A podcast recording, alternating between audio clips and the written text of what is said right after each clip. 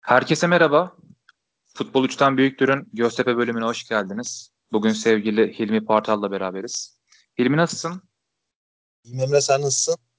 Ben de iyiyim teşekkürler. Tebrikler güzel bir galibiyet aldınız. Sağ ol teşekkür ederiz. Yani e, bek güzel bir galibiyet oldu. Sürpriz de bir galibiyet oldu. Yani hani beraberlik falan gibi bekleyenler vardı da hani e, galibiyeti çok beklemezdik. Geldi güzel oldu. Denizli maçını telafi ettik diyelim. Ya, bence de güzel oldu ya. E, şöyle kanalın adı Futbol 3'ten Büyüktür ve kanalı ilk kurduğumda e, paylaşım türlerinden biri şey olacaktı işte o hafta 3 İstanbul takımından birini yenen olursa o takıma özel paylaşım yapacaktım. Abi kanalı kurdum. 35 gün boyunca 3 İstanbul takımı ga- mağlubiyet almadı. Hatta bir ara full galibiyet serisi yaptılar 3'ü birden. bir yerden sonra sayfayı kapatacaktım ben. Ter, ters totem gibi bir şey olmuş o. ters etmiş. Aynen. Bir ara şey vardı gördün mü hiç bilmiyorum. İşte taze gol atmış Slimani suratı diye bir hesap açmış birisi. Yalan oldu gitti. Beyler ben hesabı kapatıyorum görüşürüz demiş en son. Ona dönecektik de Allah'tan Göztepe beni yoldan çevirdi yani güzel oldu. Abi bu bizim menümüzün tatlısı. Bunu en sona bırakalım diyorum. Tabii güzel olur. Ee, en başta şeyle başlayayım diyorum. Şimdi e, Ünal Karaman belli bir beklentiyle geldi ve gerçekten taraftarlar Ünal Karaman'ın gelmesine mutlu oldu. Fakat ilk dört maçta 3 beraberlik, 3 e, yenilgi bir beraberlik alındı. Abi bu süreçte e, öncelikle senin özelinde sonra da genel taraftarlar özelinde hocaya bir güven kaybı oldu mu? Yoksa hani insanlar biraz daha sabretti mi hocaya? Ya taraftar tam ikiye bölündü diyebiliriz aslında Emre. Şöyle e, Ünal Hoca'nın geldiği ilk günden beri bir tek Denizli maçını ayrı tutuyorum bundan. Denizli maçında gerçekten kötü bir oyun vardı. Ee, o da Soner'in de yokluğuna bağlıydı. Beşiktaş maçında olsun, sonraki işte Malatya maçında, Antep maçında hep e, sahada güzel bir oyun vardı. Ama e, türlü türlü sebeplerden dolayı bir türlü skoru alamıyorduk yani. Öyle bir sıkıntımız var. Zaten Ünal Hoca basın toplantısında da bundan bahsetti. Bunu görüp hani Ünal Hoca evet güzel yani oynadığı oyun fark etti. Takımın oynayışı fark etti. Bu şekilde bu mutlaka skor getirecektir diyenler oldu. Bir yandan da ya Ünal Hoca e, Trabzon dışında zaten çok güzel, çok bir başarısı olmadı. İşte bak burada da kötü gidiyor. Yol yakınken yolu ayıralım diyenler oldu. Yani iki görüşe de yani ben katılıyorum yani diğer tarafa da katılırım yani anlıyorum çünkü küme düşme hattı yakın. E, pek puan kaybetmeye tahammülümüzün olmadığı bir dönem. E, ard arda da iyi de oynasak mağlubiyet gelince insan tehlikeyi hissetmeye başlıyor. Bu da paniğe sevk ediyor.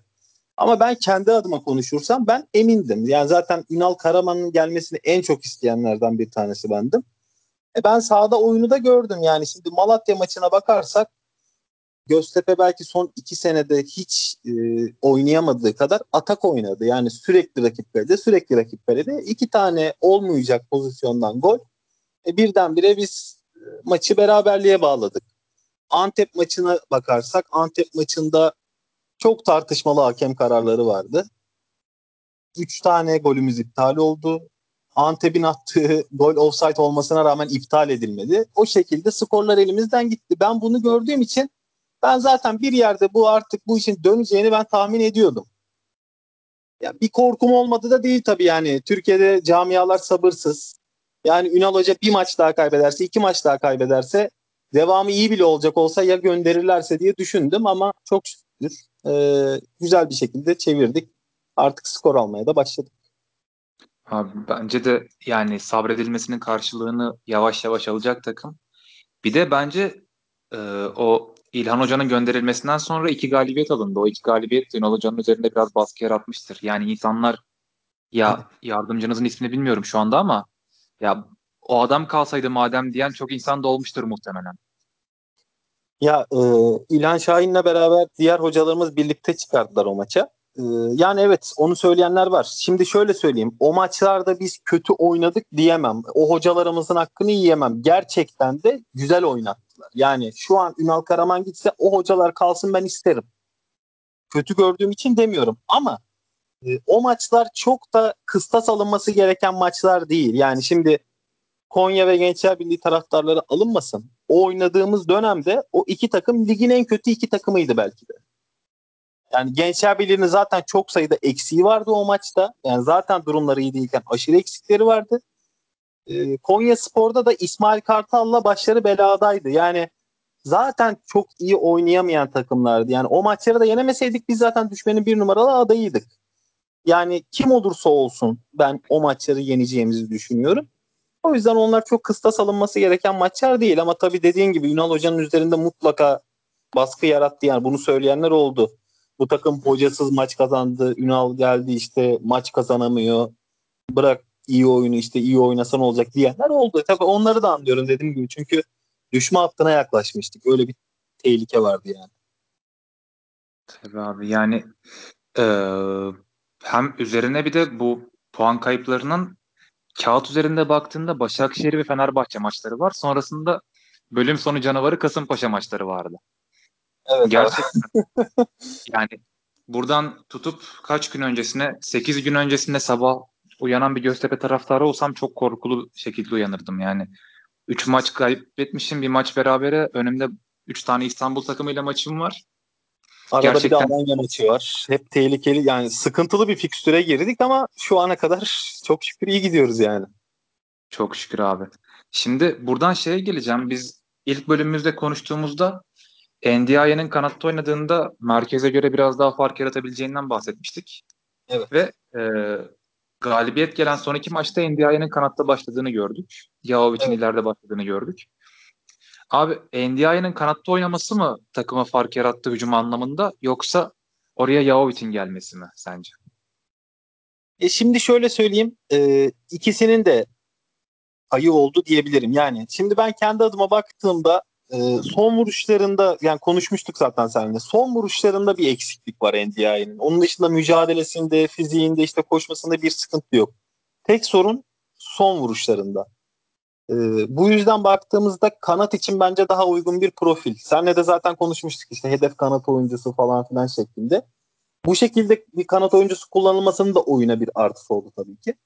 Yahovic'e de geldiğimizde Yahovic evet gol atmadı ama maç içerisinde çıktığımız ataklarda e, böyle çevreye top dağıtması, koşuları falan filan derken e, hücuma bir şey katıyor yani bir canlılık katıyor. Bu ikisi birleşince de böyle bir yansıma gördük yani.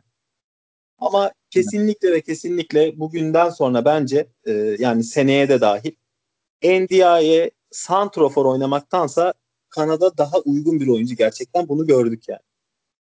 Yani yani sen o zaman merkezde Yahovic'in oynamasını sadece bitiricilik veya pivotluktan değil yani Yahovic'in gerçekten merkezde ayağına topun yakışması ve top dağıtımının da etkisi olduğunu düşünüyorsun. Yani Aynen öyle. Yani belki bakıldığında direkt görülmeyen şeylerdir ama yani hani evet bir gol yok, bir asist yok ortada ama e, o bölgeye bir hareketlilik katıyor yani. Tabii Başakşehir maçında Başakşehir maçındaydı tabii. Ee, bir yani rakip stoper rolünü de üstlendi kendisi de. Bir şutumuz Jahovic'den döndü yani tam kaleye giderken. Ama onun dışında yani gayet o bölgeye canlılık kattığını düşünüyorum. Anladım abi. O zaman NDI için de yani benzetmeleri yapmayı çok sevmem normalde ama yeni Ekuban'ını bulmuş gibi Ünal Karaman. E, yani ya bir de adamda şey yani NDI'de ekstra bir çalışkanlık var Emre. Yani mesela dünkü maçı izliyorum. Ya sürekli mesela adam aslen santrafor. Sürekli geriye geliyor. Yani arkada top kapmaya çalışıyor falan. Yani biz o bölgede normal oynayan kanatlarımızdan Tripic'ten falan bile bu kadar e, geriye dönük bir destek görmüyorduk. Yani sadece atak kısmında değil geriye kalan işi de çok iyi yapıyor. Tam bir takım oyuncusu kıvamında şu anda yani. Ya umarım uzun seneler Göztepe'de izleriz ya. Bayrak adam olur şey Halil gibi. Umarım yani bir tek işte şu anda benim NDI ile ilgili yine aynı olay. E, kanat da oynasa son vuruşlarını bir parça geliştirebilirse eğer gerçekten sınıf atlayacak. Yani çok bambaşka bir oyuncu haline gelecek. Ama işte yaşı da daha genç. Yeni 25 yaşına girdi. Daha hala daha kendini geliştirebilecek, üzerine koyabilecek bir yaşta. Ya bir de takımda Yahovic'in olması onu bitiricilik anlamında da bence olumlu etkileyecek. Aynen öyle yani Yahovic'ten bitiricilik konusunda bir şeyler öğrenebilir. Yahovic bunlarda çok daha usta bir isim. Kesinlikle. Abi buradan o zaman diğer başlığımıza geçeyim. yine geçen bölümde konuştuğumuz bir back sıkıntısı vardı takımın hem sağda hem solda. Evet. Ve ben uzaktan bakan bir Hatay Spor taraftarı olarak Murat Paroli'nin ne şart olursa olsun oynamaması gerektiğini düşünüyordum. Ama e, son iki maçta yanlış bilmiyorsam yine Murat'la başlandı. Aynı zamanda bu Fenerbahçe maçında sol bekte de Brekovic başlandı. Hı hı. Ve galibiyet geldi. Sence bu galibiyetlerde bek kurgusunun önemi neydi? E şimdi Fenerbahçe maçında Paluli ile çıktık. Ee, Başakşehir maçında Gassama vardı. Şimdi ben sana demiştim zaten yani bizim iki bekimiz de sağ bek için konuşuyorum. Ne Gassama ne Paluli tam bu takımda oynayabilecek adamlar değil. Yani ikisinde de belli başlı sıkıntılar var. Paluli işin defans ve mücadele kısmını iyi yapıp atakta aksıyor. Gassama işin atak kısmını yapıp defansta aksıyor. Yani ikisini toplasak ancak bir tane düzgün bekimiz olacak. Öyle bir sıkıntılı durumumuz var sağ bekte. Şimdi Gassama tercih, Gassama'yı çok tercih etti Ünal Hoca geldiğinden beri. Bu da eleştirildi yani. Bir ara bunu ben de eleştirdim. Yani hocam Gassama neden? Yani çünkü mükemmel oynarken anlık bir hatayla yani çünkü çok sık oyundan kopma yaşayan bir adam. Bir anlık hatayla birdenbire bütün maçı yakabiliyor. İşte Galatasaray maçında Arda Turan'ı kaçırması mı diyelim, bırakması mı diyelim saçma sapan bir koşusu. Sen de izlemişsin. Geçen sene Gençler Birliği maçında adama kafasıyla pas vermesi. Yani böyle dengesiz hareketleri olan bir insan. Ama e, oynadığı maçlarda biraz daha toparladığını, üzerine koyduğunu gördük. Yani Ünal Karaman'ın bunda bir etkisini gördüm ben net olarak. Yani Ünal Karaman geldiğinden beri Gassama kendini değiştirdi, geliştirdi. Ama tabii dün yoktu. Dün Paluli oynadı. Ünal Hoca'nın e, herhalde ona da bir etkisi olmuş. Haluli de dün işin atak kısmında çok aksamadı. Yani hatta güzel bir şutu oldu maç içerisinde. Gol de olabilecek bir pozisyonda dışarıya gitti. Haluli de o yönden kendini geliştirmiş. Hocanın etkisini herhalde görüyoruz bunda. Dün sol bekte bir şanssızlığımız oldu. Berkan Emir'in oynamayışı oldu. Onun yerine dediğin gibi Burakovic oynadı. Ee, ben Burakovic'i beğenmedim. Yani ilk defa sanırım yanlış hatırlamıyorsam bir maçta tam oynadığını izledik. Yani çok sırıtmamakla beraber e, niye yapıldığını anlamadığım bir transfer açıkçası. Yani Brakovic'e gelene kadar gidip de Macaristan'dan olan alana kadar Türkiye'de Brakovic gibi 20 tane adam var. Biraz lüzumsuz bir transfer olmuş diyeyim yani. Ya Brekovic'in tarzı nasıl peki? Ben hiç izlemediğim için yani böyle Berkan gibi yine ağır mı, tempolu mu? Ya Brekovic nasıl diyeyim? Dün ben kendi adıma birazcık silik bir performans gördüm yani Brekovic'ten. Esas sıkıntı o. Yani bir şeyler yapmaya çalışıyor, ileriye çıkıyor. Birdenbire topu kaybediyor. Bir, bir iki kere çizgiden dışarıya çıkardı topu. Yani Berkan her türlü daha tercih edilecek bir adam öyle söyleyeyim ya. Yani ne kadar eleştirilse de en azından güzel bir sol ayağı var Berkan'ın. Yani güzel ortaları var, şeyi var. Dün Brakovic'ten ben o etkinliği göremedim. Yani evet rakip Fenerbahçe dersen dün Fenerbahçe'nin oynadığı bir oyun yoktu ki ortada yani. Ya tabii canım. Bu arada şunu sorayım o zaman sana. 2021'in yazına geldik. Transfer dönemindeyiz diyelim. Evet. Ee, sağ beke de sol beke de sen transfer yapar mısın? Kesinlikle yaparım. Şöyle söyleyeyim. Ben takımda e, sadece Berkan Emir'i bir sene daha tutarım. Onu da yedek olarak tutarım. Yani Berkan'ı çok beğendiğimden dolayı değil. Yerli oyuncu. Sırıtmayan en azından. Çok sırıtmayan bir oyuncu. İyi bir yedek olur. Yani gerekirse sürekli yedek kulübesinde otursun. O da bir sene dediğim gibi. Geri kalan sağ beke iki transfer, sol beke bir transfer. Mutlaka üç tane bek transferi yaparım ben seneye bu takımda. Anladım abi. Ya bir de O zaman Gassame'yi bu kadar eleştirdik biliyorsun. Gassame'nin aldığı maaşı öğrendim bu arada. 750 bin euro maaş alıyormuş Gassame hem de. vay maşallah. Yani bu parayı hak edecek bir adam değil Gassame. Hani tamam Ünal Hoca geldiğinden sonra iyi oynadı doğru. Ama kardeşim Türkiye şartlarında ya ben bir oyuncuya 750 bin euro maaş veriyorsan o adam defansı da aksatmayacak ya. Yani hani ikisini birden yapması lazım. Ya Avrupa'ya git 300 bine 400 bine oynayan muhteşem bekler var. 3 tane Gassama yapar. Ya bir de Göztepe'de o maaşlı o zaman ilk 5'e giriyordur muhtemelen. Ya bizim ilk sene maaşlarımız çok yüksekti. Ee, 2 milyon falan 2 milyon değil de 1,5 milyon falan alan oyuncularımız vardı bizim. Ee, Ama bu seneki maaşlarda ne desem yalan olur. Bu seneki maaşlar hakkında açıkçası çok bir bilgim yok. Kulüpten bu yönde çok bilgi gelmiyor yani. Ama düşük olmadığı kesin tabii yani yine en azından ilk 7-8'de vardır herhalde. Yani abi. Bence de o parayı hak eden performansı yok yani. Gerçekten çok daha uygun maaşa çok daha iyi adamlar. Yani git Avrupa'da başka ülkelerde hani kaynıyor yani sabek. İstemediğin kadar var. Tabii canım öyle kısırlık olan mevki değil yani. Biraz Serkan Reçber tarzı bir yorum oldu ama 200 bin Nijerya'dan almışlar çocuk falan diye. ama yani bu bir gerçek. Çok daha iyi adamları bulabiliriz. Kesinlikle. Abi buradan o zaman şimdi biraz daha ucu açık bir kısma geleceğim. Abi dün Fenerbahçe'yi yendiniz. Şöyle ağız tadıyla bir maçı anlatsana ya.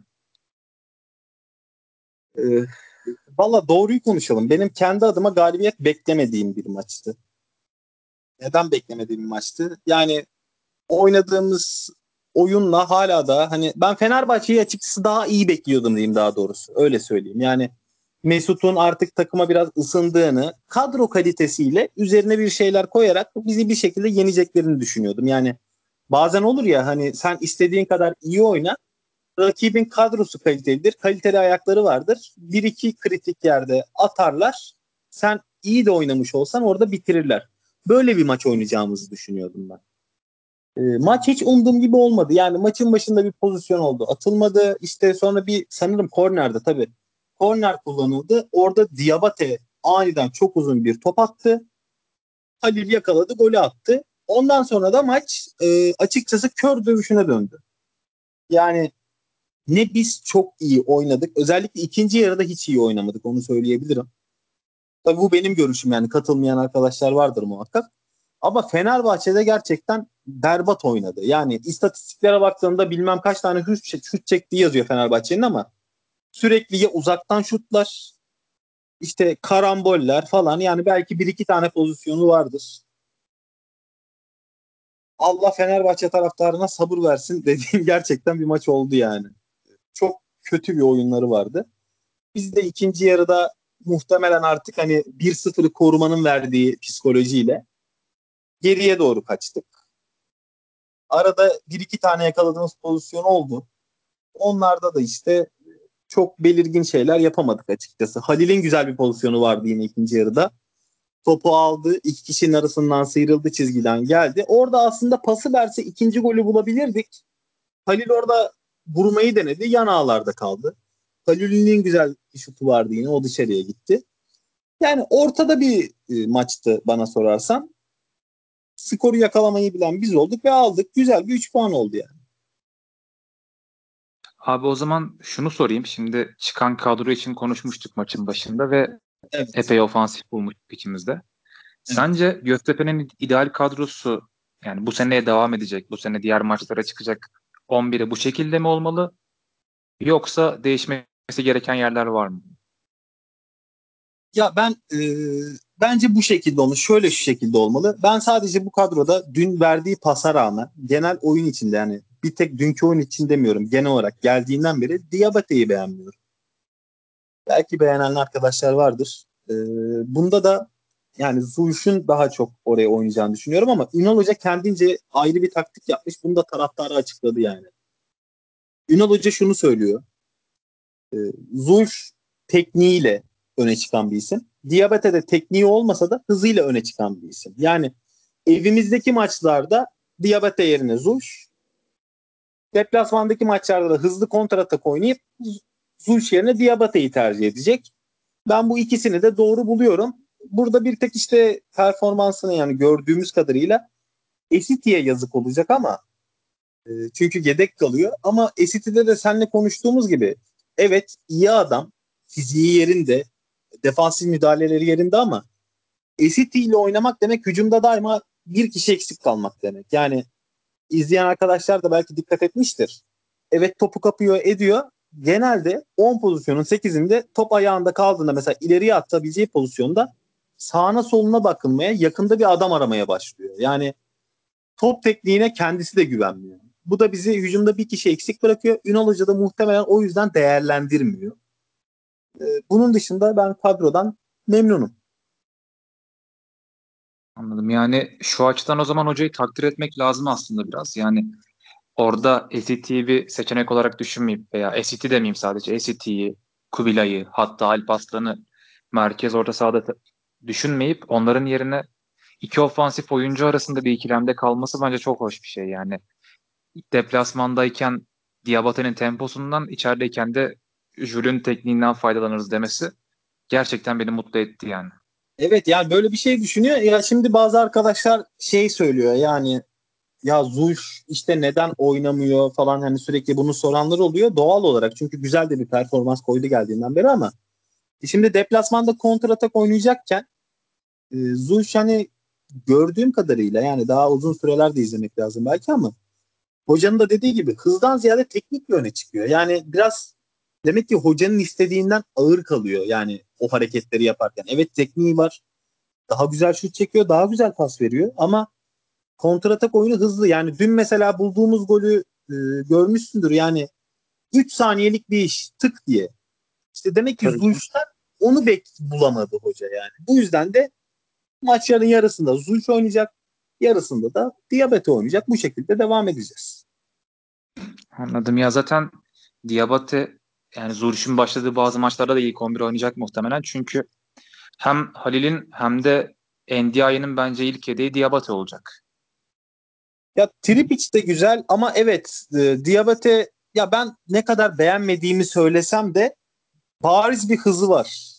Yani özellikle kontratak oynadığımızda şimdi Tripic'e göre çok bariz bir hız farkı var yani. Ndiaye'nin. E, ligde uzun maraton yani Halil şu güne kadar maç kaçırmadı ama ardarda arda iki maç oynarken falan ya mutlaka birisinden birisinin dinlenmesi gerekecek. Yani ne Ndiaye ne Halil her maça çıkamaz. Mutlaka bir yerde dinlenme ihtiyaçları olacak. O durumda da tabii ki de iş Diabate'ye düşecek. Abi bu arada sen konuşurken Dunk diye kafama düştü. Yalçın nerede? Ee, Yalçın yaptığı hareketin muhtemelen bedelini ödüyor ya. İlhan Poluton'u oyundan çıkartırken bir forma atma durumu olmuştu biliyorsun. Ee, hmm. Bilmiyorum gerçi haberim var mı yani. Ee, İlhan Polut ya ben o olayda işin aslını istersen e, hamle olarak hatayı İlhan Palut'ta buldum. Yani bana da çok laf edenler oldu ya kardeşim tamam da adam formayı yere atıyor diye. Şimdi doğru adam formayı yere atıyor ve bunun bir cezası olmalı muhakkak olmalı yani bunun aması maması yok cezasını çekecek. Kusura bakma yani hataylısın İlhan Palut'u da seviyorsun ama evet, ben bu konuda ya. İlhan Palut'ta bir hata gördüm ben orada. Yani orada oyunu şey mi oldu? Ee, oyuna sonra mı çıkardı? Evet oyuna soktu sonra aldı. Yani tamam bunu şimdi her hoca yapabilir. Yani bazen öyle bir an gelir ki gerçekten o dakika onu çıkarman lazım. Ya tabii ki de teknik direktör değilim. Haddime de değil ama benim gördüğüm kadarıyla oyunda o derece bir aciliyet de yoktu. Yani daha doğrusu Yalçın'ın değişmesinin oyunda fark ettireceği bir şey yoktu çok fazla o dakikada. E, güzel kardeşim o zaman sen oyuncuyu oyuna alırken mi iyi düşünmedin? Yoksa çıkartırken mi aklın başka yerdeydi? Yani bu çocuk daha 18-19 yaşında yani fevri bir hareket verebileceği belli. Senin hoca olarak bunu da düşünmen lazım. Tabii canım. Yani bir, bir oyuncu kolay yetişmiyor. Gerekirse maçı kaybedeceksin, oyuncuyu kaybetmeyeceksin. Ama sonuçta öyle ya da böyle bu olay olduysa ve o Yalçın da o formayı yere attıysa evet Yalçın'ı silmeyeceğiz. Tekrar geri kazanacağız. Ama ufak bir cezası da olacak bunun. Ama e, sanki Yalçın'ın şu anki oynamama sebebi biraz şeyin de payı var. E, Esiti'nin olması, işte Obinna'nın çok formda olması, o bölgeye işte Zulf'ün gelmesi. Yani orta saha şu an bizde şişti açıkçası. Evet aslında görebiliyorum ve e, orta sahada siz, beni şaşırtan bir de şu oldu. Yanlış hatırlamıyorsam Soner size 8-10 numara kırması bir oyuncu olarak gelmişti. Evet Ve... 8-10 kırması yani hücuma daha dönük olan bir 8 yani iki yönlü ama şeye biraz daha fazla dönük yani ileriye daha da fazla dönük. Şu an bildiğim kadarıyla bayağı Regista gibi oynuyor. Defans önü oyun kurucu gibi. Ya yok e, şeyi de yani eski mevkiinde devam ediyor ama bazen nasıl söyleyeyim Ünal Hoca'da benim gördüğüm yani sürekli mevkiler orta sahada kendi aralarında dönüp dolaşıyorlar gibi hem de. Yani o görüntü biraz ondan çıkıyor. Yani hmm. maç içinde öyle bir an geliyor ki mesela Envobo'da ileriye koşular yapıyor. Bir an geliyor bakıyorsun Soner arkada top kesiyor. Yani Ünal Hoca'da ben şunu gördüm. Ünal Hoca e, takımında bütün takım olarak hücum, bütün takım olarak defans istiyor. Yani ben daha ziyade bunu gördüm. Ki olması gereken de odur. Tabii yani mesela Halil'i Endiaye'yi yani bu adamlar kanat forvet. Adama bir bakıyorum sol bekten sağ bekten daha geride top kesmeye çalışıyorlar bir yerde. Yani öyle bir pozisyon geliyor. Yani Ünal Karaman bu konuda çok katı gibi duruyor. Yani muhakkak o oyuncu hücumcuysa geri gelecek. Defans oyuncusuysa da yeri geldiğinde ileriye çıkacak. Bunu istiyor. Zaten demin dedik ya Esiti diye. Muhtemelen Esiti'yi de bu sebepten yedek oturtuyor. Aynen. Esiti'nin çünkü sahada kapladığı alan çok ufak. Evet. Neyle sabit bir oyuncu. Yani işlevsel bir oyuncu. Evet yani gerçekten rakip atakları mükemmel kesen bir oyuncu. Bu konuda asla kimse bir şey diyemez ama işte iki yönlü oyun oynama konusunda biraz sınıfta kalıyor. Abi bu arada sana ilginç bir bilgi vereyim. Şu an maçtaki futbolcuların ortalama pozisyonlarına bakıyorum saha içinde. Hı hı. Ee, Ndiaye ile Brekovic'in rakip kaleye uzaklığı aynı. İşte. Cidden. Ya gerçekten Ndiaye çok şey ya o konuda. Ki atsa atarmış yani o Halil'in pasında. Hem golü atıp hem öyle bir katkı vermesi çok çok büyük bir olay olurdu. Tabii tabii yani Halil orada ya Halil'i de suçlayamayız. Yani o an o maçın şeyinde tansiyonunda birdenbire döndü ve ilk aklına geleni yaptı. Belki de orada NDI'yi düşünemedi, göremedi. Ama verse hani gerçekten rahat atabilirdi. Abi o zaman biraz da Halil konuşalım istiyorsan. Tabii Öncelikle ki. ben şundan bahsedeyim. İlk Süper Lig'e çıktığınız zamanlarda yanlış hatırlamıyorsam daha çok Tayfur bir kanatta e, diğer kanatta Halil ya da işte aldığınız bazı futbolcular vardı o dönemde. Gufran falan vardı yanlış hatırlamıyorsam. Onların oynadığını hatırlıyorum. Yani Halil başta böyle çok 11 oyuncusu gibi değildi Süper Lig'de. Sonradan formayı kaptı. Alt ligdeyken oynuyordur da. E, zaman içinde İlhan Hoca'nın gelişinden sonra ben çok daha parladığını düşündüm geçen sene.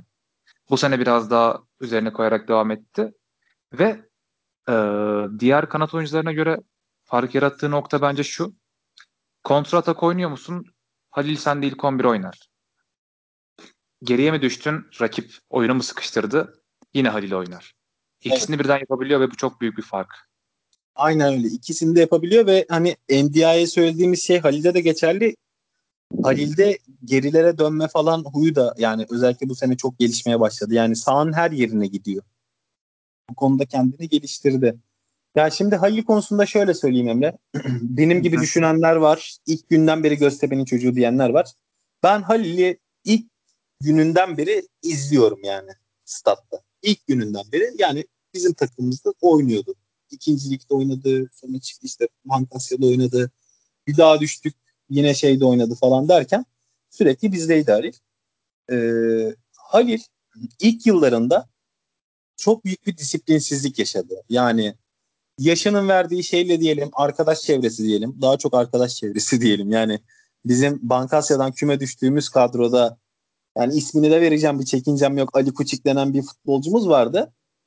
Yani üstün karaktersizlik e, abidesi bir oyuncuydu öyle söyleyeyim. Yani zaten sonradan çok şeylerinde duyduğumuz bir oyuncuydu açık açık bir şekilde. o arkadaşla çok yakındı Halil. Yani o arkadaş çevresinin verdiği şeyle biraz da yaşıyla itibariyle büyük sıkıntılar yaşadı. Çok disiplinsizliği vardı. Bu yüzden bazı taraftarımız sevmiyordu. Bunlardan bir tanesi de bendim. Yani ben uzun süre Halil'i bu takımda istemedim. Ardından o dönem bize Metin Diyedin geldi. Metin Diyedin bir ara herhalde göndermek istedi, satmak istedi Halil'i. Ondan sonra kiralık vermeye karar verdi. Kiralık olarak Elazığ Spor'a gönderdi Halil'i. Ya bu arada bunları söylerken Halil o zaman da çok yetenekli bir oyuncuydu. Ama işte yeteneğe ulaşmak vardı bir de. E, Elazığ Spor'a gittikten sonra muhtemelen oradaki zor şartlardan çünkü Elazığ Spor çok zor bir dönemden geçiyordu o dönem. E, Halil geri geldiğinde bambaşka bir disipline kavuşmuş bir Halil gördük. O günden sonra da takdir edilen şeyi başladı Halil'in. Halil oynadığı her sene üzerine biraz daha koydu. Mesela ilk başladığı dönemlerde yine böyle hızlıydı, sıyrılırdı, ederdi ama bir şut çekerdi dağlara taşlara. Ya mesela Halil 10 tane orta açsa 9 tanesi hedefi bulmazdı. Öyle bir oyuncuydu. Geldiğimiz noktada mükemmel orta açmaya başladı. Çok güzel şut çekmeye başladı. İşte bu Halil'i e, bu konuda gerçekten takdir ediyorum. Yani bazı oyuncular yerinde sayarken adam ilk önce ikincilik seviyesindeydi. Sonra üzerine koydu. Birincilik seviyesine geldi. Dediğin gibi ilk başlarda Süper Lig'de yedek oyuncu kıvamındayken takımda da kimse ona güvenmezken yani Halil bu ligde oynayamaz derken bu fanlardan formayı aldı. Üzerine koya koya koya koya bu takımın kaptanı ve değişilmez 11 oyuncusu haline geldi. Ve şu gün geldiğimiz noktada da bütün Süper Lig'in skora en çok katkı koyan yerli oyuncusu. Muhteşem bilgi ya. Ben bunu bilmiyordum şahsen. Kanat oyuncuları arasında da galiba bayağı fark yaratıyor ya. ya.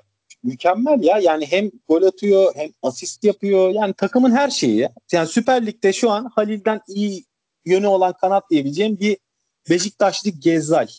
Gerçekten çok güzel asist yapıyor adam. Yani yiğidi öldür hakkını yeme demişler ya. Biz de oynadıkları maçta gördüm. Adamın gerçekten güdümlü füze gibi top atıyor adam ya. Yani nokta atışı. Yani bilgisayarla ayarlamışsın gibi tık diye o noktaya atıyor. Ama bu özellik dışında geri kalan her şeyde Halil Akpınar diyorum yani. Adam yani bir de, gerçekten geliştirdi kendini. Bir de oraya bu Penza'yı koyabiliriz belki.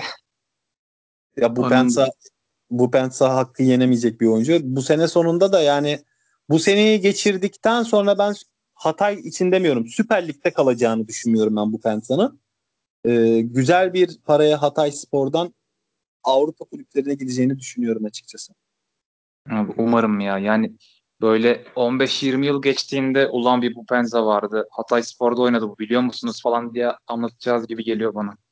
Ya var var. Yani şimdi şöyle bir şey. Ee, o bölgenin topçularında diyeyim yani bunu tabii çok vatan millet konularına göre ayırmak istemiyorum ama şimdi her ülkenin de bir karakteristik özelliği vardır. Her bölgenin bir karakteristik özelliği vardır. Ee, o bölge topçularında genelde bir büyük disiplin sorunu vardır Emre. Sen de katılırsın herhalde yani. Çoğunda vardır.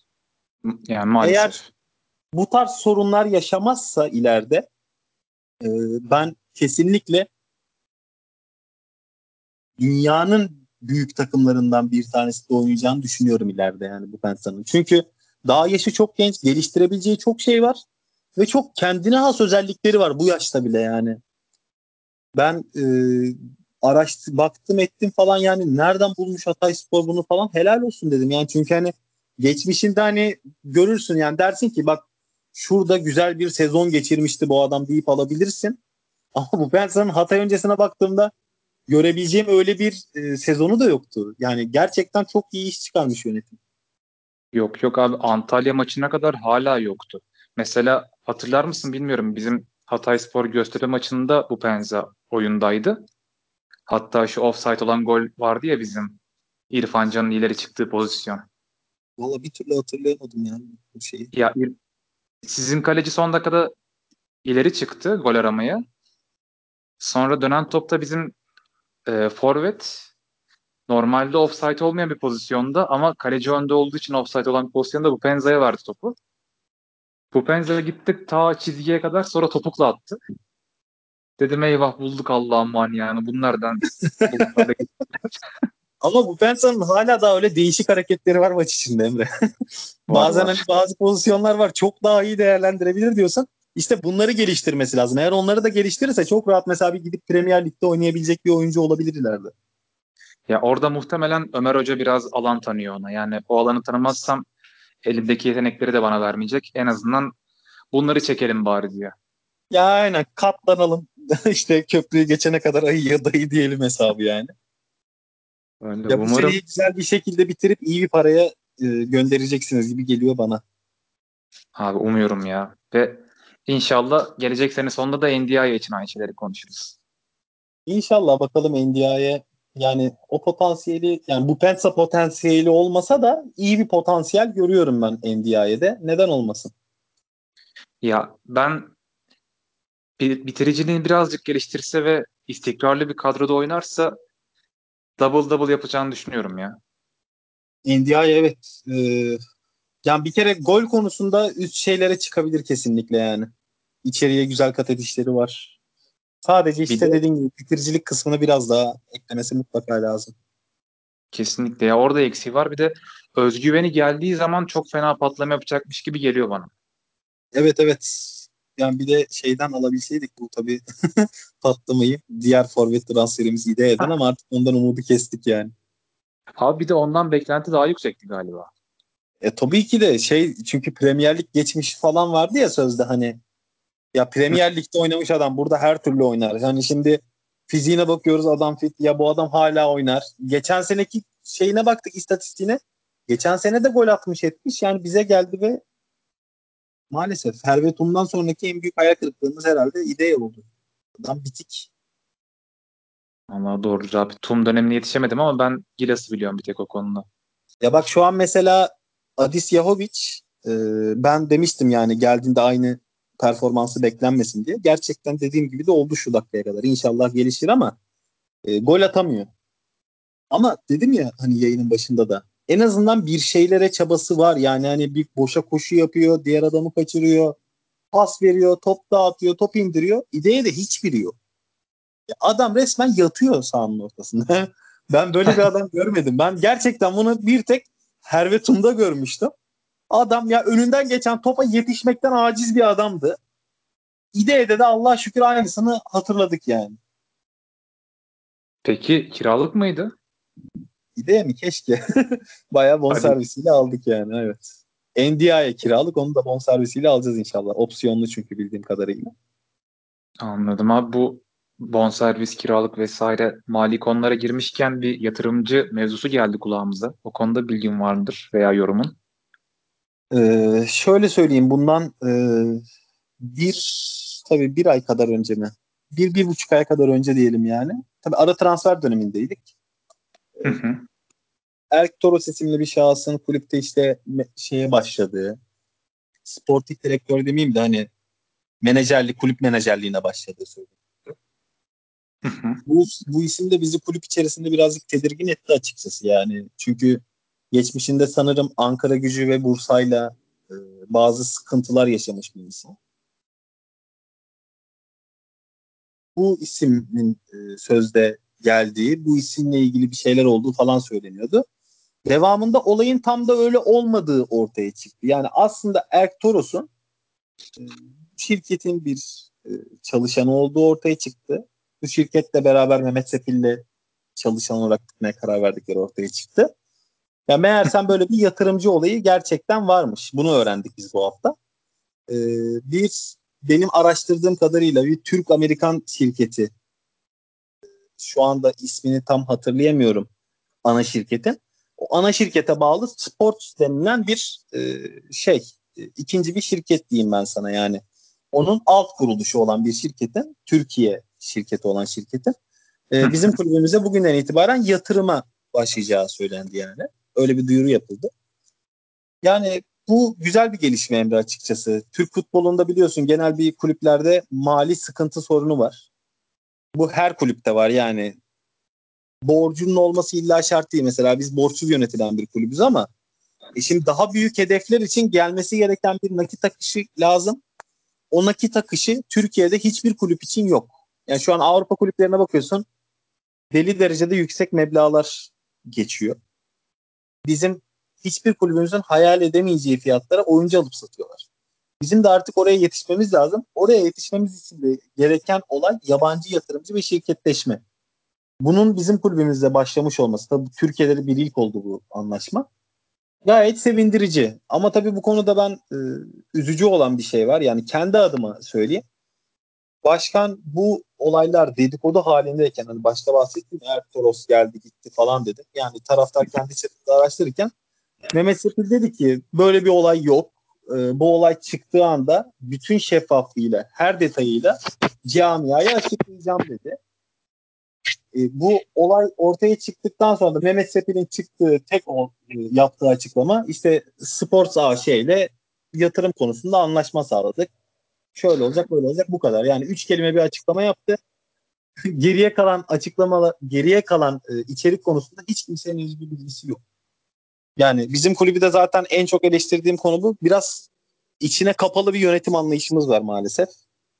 Bu sebeple anlaşmanın e, daha iç detayları hakkında maalesef hiç kimsenin bir bilgisi yok yani. İnşallah e, kulübün faydasına olur diyelim. İnşallah abi. Ya peki şu oluyor mu? Mesela Avrupa'da birkaç kulüp örneğinde vardı ya adam kulübü satın alıyor ama sonra kendi iş hayatı iyi gitmeyince kulübü yok pahasına satıyor veya işte atıyorum karısının nafakası için kulübü elden çıkarıyor vesaire kulübün içini boşaltıyor falan. Bu tarz durumlardan korkuyor musunuz hiç? Hayır böyle bir şeyden hiç korkmuyoruz. Çünkü neden şöyle söyleyeyim Emre. Ee, şeyde iki tane yani şöyle bir açıklama yapayım sana. Bildiğin üzere kullanılan iki tane kulüp yönetim modeli var. Bunlardan bir tanesi dernek yapısı. Diğeri de bizde olduğu gibi yani işte başka takımlarda da var. AŞ yapısı. Hı hı. Şimdi Türk futbolunda genel gördüğün üzere bir borçlanma sorunu var. Yadırganamayacak bir şekilde. Yani ve borçlanmanın olduğu kulüplere bak. Bu borçlanma daima yani ya da en azından dünyada şöyle söyleyeyim yüzde doksan dernek yapısında olan kulüplerde olur bu olay. Çünkü neden dersen sen, ben, Ali Veli kim olduğu önemli değil. Herhangi bir adam çıkıyor. Kardeşim ben başkan olacağım diyor mesela. Başkan seçilebilmesi için oya ihtiyacı var. Oyu alabilmesi için de popülist eylem ve söylemlere ihtiyacı var. Yani mesela Galatasaray'da Ünal Aysal dönemi vardı hatırlıyorsun değil mi?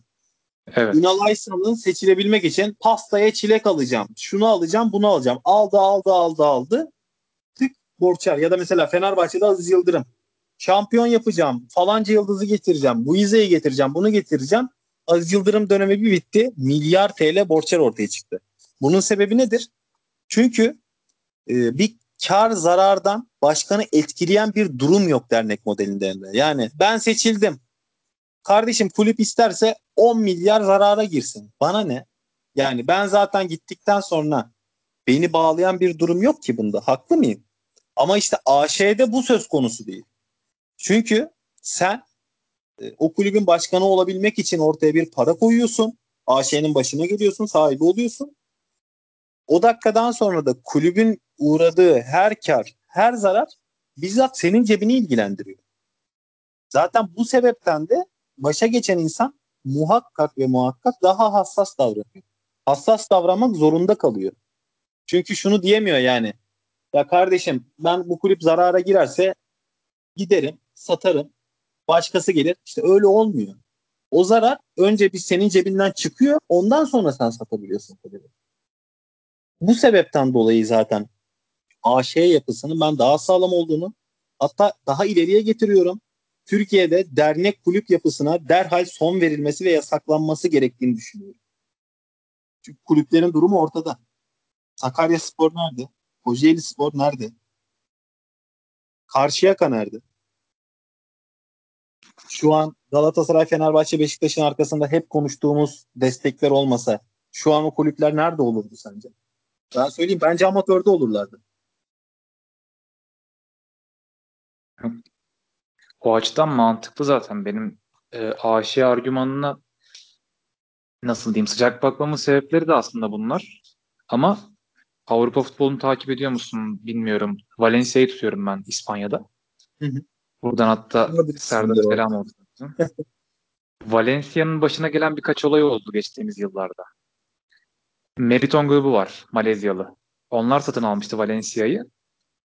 Ve e, herifler kulübün başına çöreklendiler gitmiyorlar. Ve başkan değil de yani patron olduğu için adam atıyorum 5 yıllık 10 yıllık periyotlarla denetlenme ihtimali de kalmıyor. Adam ya en son mesela kızı paylaşım yapmıştı. Burası benim babamın kulübü.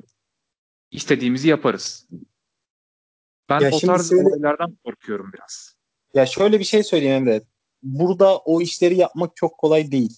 Yani başka bir şey yapılmasına gerek yok. Yani nasıl anlatayım ben sana? Bir kere o dediğin kıvamı Türkiye'de bunu getirmek mümkün değil yani.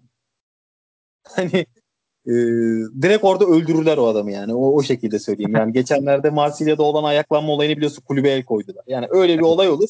Adam kendi malına giremez hale gelir bir kere. O garanti. E, bizde şöyle bir şey yaşandı. Şeye gerek yok yani. O tarz bir şeye gerek yok. E, İmam Altınbaş dönemi yani Mehmet Sepil'den bir önceki başkanımız İmam Altınbaş döneminde şampiyon yapacağı söylendi. Şampiyon yapacağım derken küme düşürdü bizi ikincilikte. PTT birincilikte daha doğrusu. Birincilikte bizi küme düşürmesi ya o da sorun değil. Biz çok düştük çıktık bunu umursamayız ama bazı olaylar oldu. Yani dalga geçer gibi taraftar. Ve son küme düşme maçında e, taraftar, bizim taraftarımız şeref tribününe daldı. İmam Altınbaş'a saldırdı. İmam Altınbaş bir daha İzmir'e gelemedi. İşleri bir seneliğine kardeşine devredip ondan sonra da kulübü Mehmet Sepil'e devretmek zorunda kaldı. Yani bu sebepten Türkiye'de bunun olması mümkün değil. Avrupa'ya gelecek olursak da o senin dediğin örneğin olma ihtimali yani milyonda birdir Emre.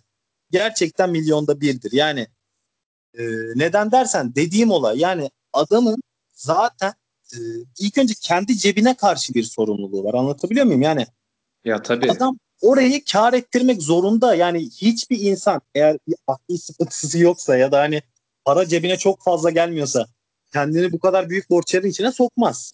Ama öbür yönden dediğin gibi e, o sıkıntılar derneklerde de çok yaşanıyor Emre. Yani şu an Anadolu'da pek çok takımda bazı başkanlar var. Kesinlikle istenmiyor ama gönderemiyorsun da. Bu şekilde çöreklenen çok başkan oldu derneklerin başına. Yani kesinlikle şu anlamda diyorum ben dediğim gibi. Bana da uzaktan bakınca AŞ yapısı daha mantıklı geliyor. Ama nasıl diyeyim daha önce hiç kart nakli yapılmamış bir ortam. İlk kart nakli yapılacak. İlla içinde ufak bir korku olur ya. Tabii. Öyle bir korku şu anda. İnşallah başarılı olur. Ya şöyle söyleyeyim düzgün e, bir denetim olduktan sonra yani denetim derken daha doğrusu şunu şöyle söyleyeyim.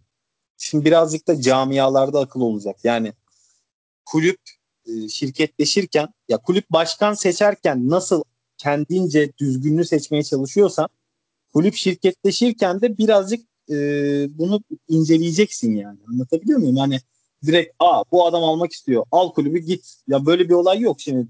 Portakal satmıyorsun manavda yani. Birazcık gelen insanın şeyine de bakacaksın. Mesela o anlattığım Malezyalı grubun e, daha önceden başka takımlarla da sıkıntılı olayları olduğunu ben duymuştum. Yani Malezyalı grubun kendisinde bir problem var zaten. Yani Valencia'da bitmiyor o da. E zaten sen kulübü sıkıntılı bir adama bunun şirketle alakası yok ki. Sen öyle bir adama dernek yapısında da başkanlığı versen o adam yine sıkıntıya yol açacak. Yani batıracak kulübü gidecek. Ve bundaki olay kişilerde bitiyor açıkçası. Ama eğer yönetim tarzı olarak dersen ben her türlü ve her türlü şirketleşme diyorum ve tekrar da söylüyorum. Hele ki Türkiye gibi bir yerde dernek kulüp yapısının derhal yasaklanması lazım. Yani çünkü artık bir şeylerden ders almamız lazım. Yani bu dernek yapısında kulüp tarihinde en az bir kere ağzı yanmayan kulüp yoktur bence. Paralar kayboluyor, borç yere batılıyor. Yani bundan daha şimdi bundan daha rezil bir durum olamaz ki. Biz zamanında battık. Bizim batışımız yine dernek durumunda oldu. Şimdi ben sana şeyi söyleyeyim. Zamanında biz battık, çıktık, ettik falan. Ben daha sonra kulüpte çalışan birinden duyduğum kadarıyla geçmiş dönemlerde kulübe gelip de manav, kasap alışverişlerini bile kulübe yazdıran adamlar olduğu söylendi. Ama doğru ama yanlış da bu bir sadece dedikodu. Ama hadi diyelim bizde olmadı. E şu an git mesela Bursa sporlara sor. Ee, geçmiş dönemdeki başkanların da çektikleri sıkıntıyı bir sor. Ya tabii. Hatta YouTube'da bir kanal vardı Mr. Manager diye. Orada anlatıyordu bayağı. İşte bir milyon tane sıvı sabun sipariş edilmiş. Yok şu kadar deterjan sipariş edilmiş falan. Yani orada açık açık parayı aklıyorlar veya işte parayı dışarı çıkarmanın bir yolunu buluyorlar. Ya dernek yönetim modeli zaten budur Emre. Yani derneğe gelip de temiz niyetli olacak insan 10 kişi de bir kişidir ya. Yani geri kalanı mutlaka ya kendine bir çıkar sağlamaya geliyordur. Yani ya mutlaka bir kirli bir şey dönüyordur bunun içerisinde. Ya şimdi bizim aşı olduğumuzu görünce bazı e, işte romantik takılan diğer kulüp taraftarları diyor ki kardeşim biz derneğiz. Ya bu iyi bir şey değil ki. Sen o dernekte seçilen başkanların ne atlar yediğini bilsen sen utançtan belki insan içine çıkamayacaksın kardeşim. Yani neler neler dönüyor dernek yapılar. Ben çok net söylüyorum. Yani dernek sisteminde başa gelip iyi niyetli olan insan 10 kişide bir kişidir. Bu kadar net. Zaten sonuçlar da ortada. Batan kulübün haddi hesabı yok. O konuda haklısın yani o konuda katılıyorum sana. Abi o zaman istersen yavaştan kapatalım. Kardeşim. Artık inşallah haftaya tarihteki ilk Kasımpaşa galibiyeti mi olacak bilmiyorum da daha önce galibiyeti var mı? Ee, yanlışım yoksa diyor yanlışım yok ya. Galibiyetimiz var ama çok zaman geçti üzerinden ya. Kaç sene oldu? Ee, 20 senemiz var herhalde ya. Zaten 2020'de 2021'de bayağı bir ilke sahne oldu. Umarım bu alanda da bir ilke sahne olur. Haftaya Kasımpaşa galibiyetini bu kanalda konuşuruz. Ya sakatlık yaşamayalım yeter Emre. Yani inan maç kaybetmekle kalmıyoruz Kasımpaşa'ya karşı. de mutlaka bir oyuncumuzun futbol kariyerini falan bitiriyor. Yani bir ciddi bir sakatlığa yol açıyorlar. Aman abi Yani- yedeklerle çıkın o zaman. Kazasız belasız atlatalım başka bir şey istemiyorum. Yani gerçekten daha uğursuz gelen bir rakip yok bize karşı. Abi inşallah o zaman. Öncelik sağlık tabii. İnşallah herkes o maçtan sağlıklı bir şekilde çıkar diyelim. İnşallah inşallah. Kendine iyi bak o zaman. Sen de sen de. Hadi görüşmek üzere. Keyifli Görüşürüz. dinlemeler.